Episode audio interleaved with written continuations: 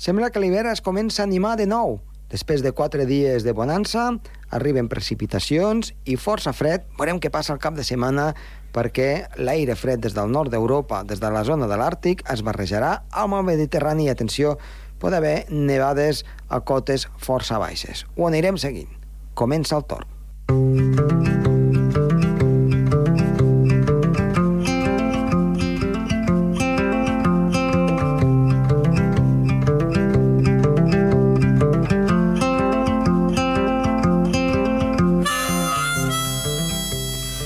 Doncs ja estem aquí per parlar, doncs, a part del temps, de notícies sobre l'àmbit meteorològic. Parlarem doncs, de la Lluna, perquè sempre es veu des del seu mateix costat. Una eh, conferència que es va donar la setmana passada, ens en parlarà Gerard Tauler.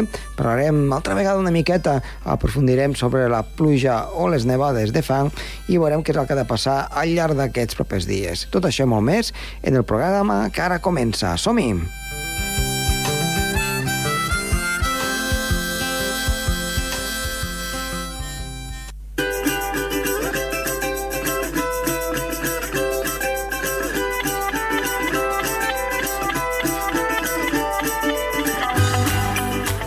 Iniciem el programa parlant amb Sergi Càrteles, que, com sempre, ens portarà les notícies de la setmana des del punt de vista meteorològic. Sergi, molt bona tarda. Hola, bona tarda. Com anem? Bé, bé, bé, estem aquí des, de, de ressaca després de d'aquest episodi de pluges que hem tingut i ara, mica en mica, un altre cop amb aquesta baixada no?, de les temperatures que les comencem a notar ja. Sí, eh, de fet, déu nhi el cap de setmana, eh? un cap de setmana força actiu, no tan sols al Pirineu, sinó també fora del Pirineu amb nevades que han arribat a, a cotes baixes, per tant, estem tenint de moment un hivern eh, força divertit en aquest sentit. Sí, sí, sí. I res, més que res, avui explicarem dues coses. La primera és aquest episodis de pluges i de nevades que hem tingut, que han afectat a molts punts, i bé, Andorra ha afectat completament. I després també parlarem una mica sobre un tipus de precipitació especial que ja ens va afectar fa unes setmanes i que ara té pinta que tornarà a passar. Uh -huh. I és uh, la pluja de fang. Val, total, uh, tornarem una mica a incidir sobre l'apartat que ens vam deixar la setmana passada de la, de la pluja de fang, doncs per, per doncs acabar de, de matar una miqueta el tema, no? Doncs mira, per començar explicarem que ja, bueno, ja s'ha vist no, que hem tingut un episodi de nevades, en aquest cas aquí, nevades bastant fortes, intenses, entre 15 i 20 litres per metre quadrat generalitzats a tot el país. I bé, ha estat un episodi doncs, a causa de... Primer va començar sent una vaguada, un talbac, que se li diu en, en català, que és una massa d'aire fred en altura, que el que va crear va ser inestabilitat no? i pluges, a part que quan va bufar vent del nord va afectar sobretot a la cara nord no? del Pirineu, però després també el vent va canviar i va bufar del, del sud-est, i això va portar doncs, una massa d'aire més humida, costa, que arribi fins aquí, no? però quan arriba, arriba bastant humida provinent del mar, del Mediterrani. I bé, doncs ha anat portant aquest episodi de pluges que, i de nevades que bé, també han propiciat a les baixades de temperatura i això és el que ha fet que nevi a molts punts d'Espanya de, que s'arribi tranquil·lament, es va arribar a cota 600 sí que algunes zones emblemàtiques de Catalunya, per exemple, com el Montserrat o el Montseny, doncs estaven completament enfarinades i bé, va ser un episodi de, de pluges intenses i sobretot fredes. Mm -hmm. També va, va nevar a, a la Serra de Prades, Montsant i als ports de Tortosa Besseit. Per tant, eh, mm, es va revertir una mica, eh?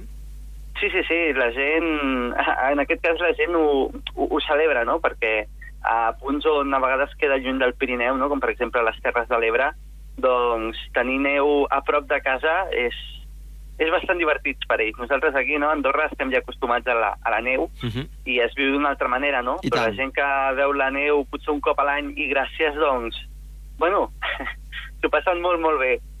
I bé, després, aquesta situació de talbac, no, aquesta llengua d'aire fred, es va convertir en una gota freda.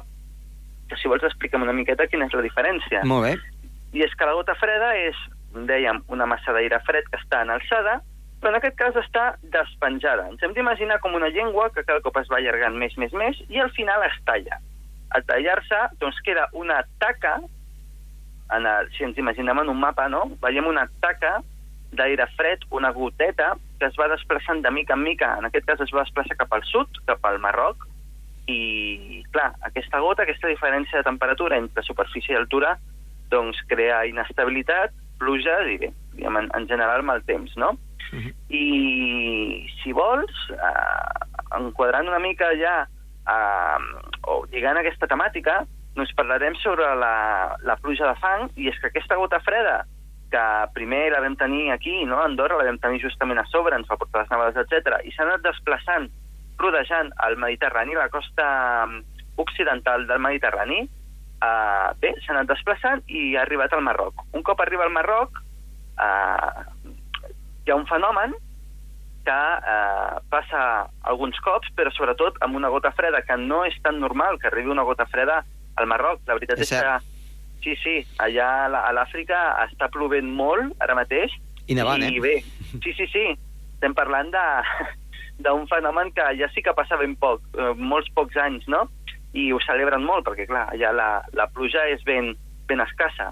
Però aquesta inestabilitat que crea aquest fenomen fa que moltes partícules de pols, i més allà, no?, que estem super a prop de, del Sàhara, doncs moltes partícules de pols comencin a flotar, comencin a estar en suspensió i comencen a aixecar-se a cotes altes de l'atmosfera, de la troposfera. Llavors, què passa? Que aquestes partícules d'aire queden flotant i si a part hi ha vent, que en aquest cas és el que està passant, bufa vent i aquest vent eh, bufa cap al nord. Són vents del sud que, venen, que bufen cap al nord i llavors porten moltes partícules de terra, de sorra, cap a, cap a Espanya i cap a Andorra. Andorra costa una mica més que arribin perquè estem a la part nord, no? o sigui, s'han de desplaçar molt més, però, per exemple, ara llocs com Andalusia, Almeria, Múrcia, a tot, totes aquestes zones que estan bastant a prop del Marroc, estan en alerta perquè hi ha moltes partícules en suspensió ara mateix en l'aire que també poden afectar la salut, no? Però bé, la característica especial que hi ha és que ara quan torni a ploure allà, que és el que passarà d'aquí uns dies, i també pot arribar aquí en menor mesura, no? doncs eh, precipitarà fang. Nosaltres podem pensar com és que, que arriba a precipitar fang. No ens hem d'imaginar gotes de color marró, no?, o més, eh, més dures, més sòlides. Són gotes d'aigua, igualment. El que passa és que quan impacten en, el, en els vidres, per exemple, no?, o en els cotxes, sembla que sigui pluja normal, el que al aixecar-se doncs, eh, es queden allà doncs, les partícules de sorra. I llavors és en aquests divertits moments no?, en què veus que ha plogut i tens el cotxe més brut del que tenies abans. Déu-n'hi-do, déu nhi eh? I ens tornaran a afectar o no? Uh, tot, eh, tot indica de que aquesta, aquestes masses d'aire poden tornar a portar partícules de, de fang, bueno, partícules de sorra cap a, cap a Andorra. No seran eh, moltes partícules perquè s'han quedat bastant atrapades a l'extrem sud d'Espanya, de, de, però sí que és veritat que segurament eh, el pròxim cop que torni a ploure aquí a Andorra doncs eh, caurà, caurà una mica de fang. Així que eh, se'ns tornarà a atacar no només el, el, el, el terme no, de, de la ciutat, sinó també els cotxes. I cada moment jo esperaria a l'hora de netejar els cotxes perquè potser el netegem, el dia següent plou i n'hem de tornar a netejar. Doncs ho tindrem molt en compte. Sergi, moltíssimes gràcies i t'esperem la setmana vinent. Moltes gràcies, vagi bé. Adéu-siau. Adéu.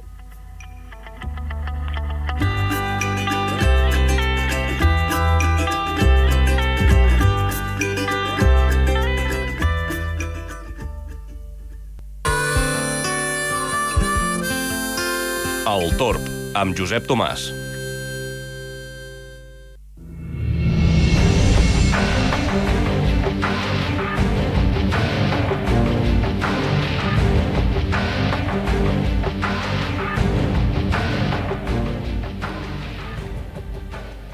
Anem amb algunes notícies de caràcter científic que són prou importants per poder destacar al llarg del programa. La primera d'elles, tres noticietes que doncs, som, si més no, prou curioses. La primera d'elles, atenció, microbis a l'estació internacional. La segona parlarem de perquè sempre veiem la mateixa cara de la lluna i la última doncs parlarem una mica dels chemtrails, mm, de què és això i si és una pseudociència o és veritablement una ciència. Ara ho explicarem. De moment, ens anem cap a l'estació internacional, que és el que diuen. Doncs mirin, el vicepresident de l'Acadèmia de Ciències de Rússia, Anatoly Griboryev, ha advertit que l'Estació Espacial Internacional s'ha trobat amb microorganismes que suposen un perill per la plataforma orbital. Això ho vam veure, per exemple, a la Mir, que era l'estació eh, eh, soviètica que ja fa anys que va desaparèixer. I ara ho veiem també a, la, a aquesta estació internacional. Aquesta acció, mm, que han anomenat fins i tot nefasta, de la microflora en la qual es troba l'estructura de la plataforma, s'ha donat a conèixer en una conferència científica eh, celebrada a la capital russa. I s'ha dit el següent. S'ha explicat que aquests microbis danyen no només el metall, sinó també els polímers, perquè poden ser la causa de desperfectes tècnics. El científic ha indicat que els experiments d'exposició de microorganismes en el cas exterior de l'estació internacional demostren la seva gran vivacitat, ja que en condicions extremes suporten 18 i 31 mesos sense aire, per tant, a l'intempèrie del que és l'espai exterior. Rússia i altres països participen en aquest programa de plataforma orbital que estudien la possibilitat d'ampliar fins al 2020 l'explotació de l'estació internacional, si més no, en el seu primer mòdul, que es va posar en òrbita, atenció, ja fa molts anys, el 20 de novembre del 1998.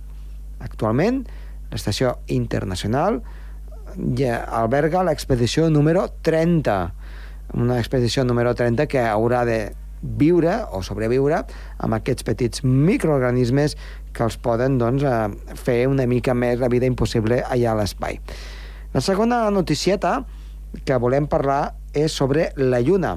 La Lluna sempre la veiem de la mateixa cara. I és que, evidentment, la Lluna està en òrbita al voltant de la Terra i al mateix temps rota sobre el seu propi eix. El motiu de que la Lluna sempre ens mostra la mateixa cara és que el temps emprat per completar un gir per tant, per donar una volta, entorn del seu eix, és el mateix que el temps necessari per completar una òrbita al voltant de la Terra. Si la Lluna no rotés sobre si mateixa, o fera un ritme diferent, mostraria gradualment tota la seva superfície, la cara visible i la cara oculta, en aquest cas. La coincidència entre aquests dos períodes, el de rotació i l'orbital, es, con, es coneix com a rotació sincrònica i no és una casualitat, es deu a l'acció de la gravetat. Per tant, ja saben el per què sempre veiem eh, doncs, la mateixa cara de la Lluna. Tothom sap que l'atracció gravitatòria de la Lluna sobre la Terra és la causa principal de les marees que observem en els nostres oceans. Quan es va formar la Lluna, aquesta girava entorn del seu eix més ràpidament que no pas ara i estava molt més a prop. La Terra sortia i es ponia sobre l'horitzó lunar i la Lluna experimentava les forces de marea induïdes per la gravetat terrestre. L'escorça lunar pujava i baixava segons es donava marea alta o marea baixa. Per tant, atenció perquè la Terra modificava l'escorça de la Lluna. Imagini's una mica doncs, la força de la gravetat que feia el planeta respecte al nostre satèl·lit. Aquesta fricció va anar frenant a poc a poc i també va anar frenant la seva velocitat de rotació fins que el seu període de rotació va coincidir amb el seu període orbital. Aquest és el procés que es coneix com a acoplament de marea. Avui, des de la cara pròxima de la Lluna a la Terra, el nostre planeta no surt ni es pon, sinó que es manté pràcticament constant. I la tercera notícia que els hi volem donar és sobre els chemtrails, que és una, diguem-ne, eh, pseudociència. Rarament una pseudociència tracta doncs, temes mm, de formació que van deixant els avions que doncs, van sobre el nostre cel i deixen aquests petits núvols, aquestes petites traces, no? Eh, generalment aquests, eh, aquests, aquests nuvolets han estat sempre el punt de mira de teories de la conspiració, si més no. I d'aquí s'ha creat aquesta pseudocència que s'anomenen els chemtrails. Aquest rastre, eh, que a vegades deixen els avions, molt, moltes persones amb teories conspiratives els anomenen chemtrails, que vol dir doncs, eh, deixants químics, que, diguem-ne, és químic el que deixen els avions. Segons aquestes teories, eh, doncs, generalment els governs i una èlit minoritària volen fumigar la població amb objectius diversos, control de la població, del clima, interferència en les comunicacions, en definitiva, eh, doncs amb una sèrie de coses que, si ho mires en profunditat, doncs no s'acaben d'aguantar. Això sí que és cert, però, que aquests núvols sí que fan davallar una mica la temperatura i fan doncs, que la radiació solar no arribi amb tanta incidència sobre uh, la superfície de la Terra. Això no es pot negar. Aquests núvols, però, eh, en veritat són núvols antropogènics, formats per cristallets de gel Mm, que no tracten de modificar el clima, simplement és amb el pas d'un avió doncs es formen eh, aquests, aquests núvols. De fet, la comunitat científica s'ha posicionat, posicionat diverses vegades amb la falta d'evidències que donguin doncs, una teoria prou bona pels chemtrails. Organitzacions com ara la NASA o la NOAA eh, parlen de que s'han publicat al llarg fins l'any 2000 una sèrie de treballs eh, per parlar justament doncs, eh, fins i tot d'aquestes teories conspiratives i evidentment no s'ha trobat de moment eh, cap força que ho pugui demostrar. De totes maneres, mm, sí cal dir que és evident que pel nostre cel hi passen eh, moltes avions que deixen eh, moltes, molts núvols mm, que embruten una miqueta el cel i fan doncs, que el cel sigui diferent a com era ara fa 100 anys i que això va es va demostrar el dia 11 de setembre, després dels atacs als Estats Units, en el qual es va prohibir que els avions s'enlairessin, doncs que poc o molt la situació d'aquests avions en l'aire fan que la temperatura sigui una mica més baixa. Quan els avions van deixar doncs, de circular pels Estats Units, la temperatura global dels Estats Units va pujar 0,2 graus. Per tant, influència, si més no, amb la radiació solar i sobre la temperatura global, sí que la tenen.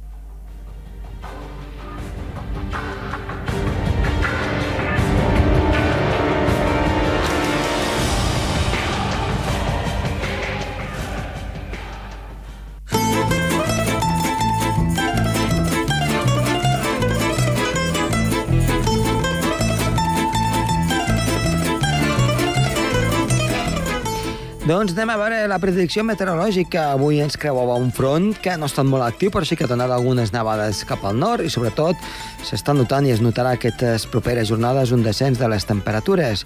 I és que venen aires freds des del de nord d'Europa, des de la zona àrtica, i això ha de fer, d'una banda, que entri aire fred fins al Mediterrani i allà es formi una pertorbació que ha de donar precipitacions a cotes poc usuals fora del que és el Pirineu. A nosaltres, en concret, el que ens espera al llarg de la jornada de divendres és vent en alçada que ha de ser fort, puntualment molt fort, en cops que poden superar els 100 km per hora. I també nuvolositat entre variable i abundant, a cara nord amb alguna dèbil nevada, a la resta entre núvols i clarianes. Això sí, en cas que hi hagi precipitacions de neu a totes les cotes del Pirineu, precaució a l'alta muntanya. Dissabte, tres quarts de mateix, amb nuvolositat en augment, la perturbació estarà molt a prop, ho haurem d'anar seguint, perquè, doncs, depèn com es mogui, ens podia afectar de ple. De moment, però, sembla que dissabte núvols abundants, alguna dèbil nevada i encara ben fora en alçada amb tendència a fluixar és que de fet entrarà més aire fred i diumenge aquest aire fred s'hauria de transformar també en alguna altra nevada que cap al final del dia es podria incrementar a qualsevol punt i amb temperatures una mica més baixes. Veurem com evoluciona perquè eh, depèn com es mogui aquesta perturbació, entre diumenge i dilluns podríem tenir una nevada general. Fa de mal dir, perquè queden força dies, però sobretot perquè eh, és molt imprecisa l'evolució d'aquesta perturbació mediterrània i, com diem, podria afectar, i de fet afectarà a cotes molt baixes fora del que és el Pirineu. Per tant, si s'han de desplaçar, màxima precaució, tant al Pirineu com fora del Pirineu degut a aquestes baixes de temperatures. No cal dir que a l'alta muntanya la situació ha de ser complicada i haurien de mirar cada matí la previsió meteorològica, o si més no, escoltar-la perquè a l'alta muntanya, a part del vent, les temperatures seran molt baixes i pot ser que es formi aquesta pertorbació just en zones d'alta muntanya, per tant, que la visibilitat sigui reduïda. Per tant, una situació que es presenta molt variable, molt inestable i complicada pels propers dies. Acabem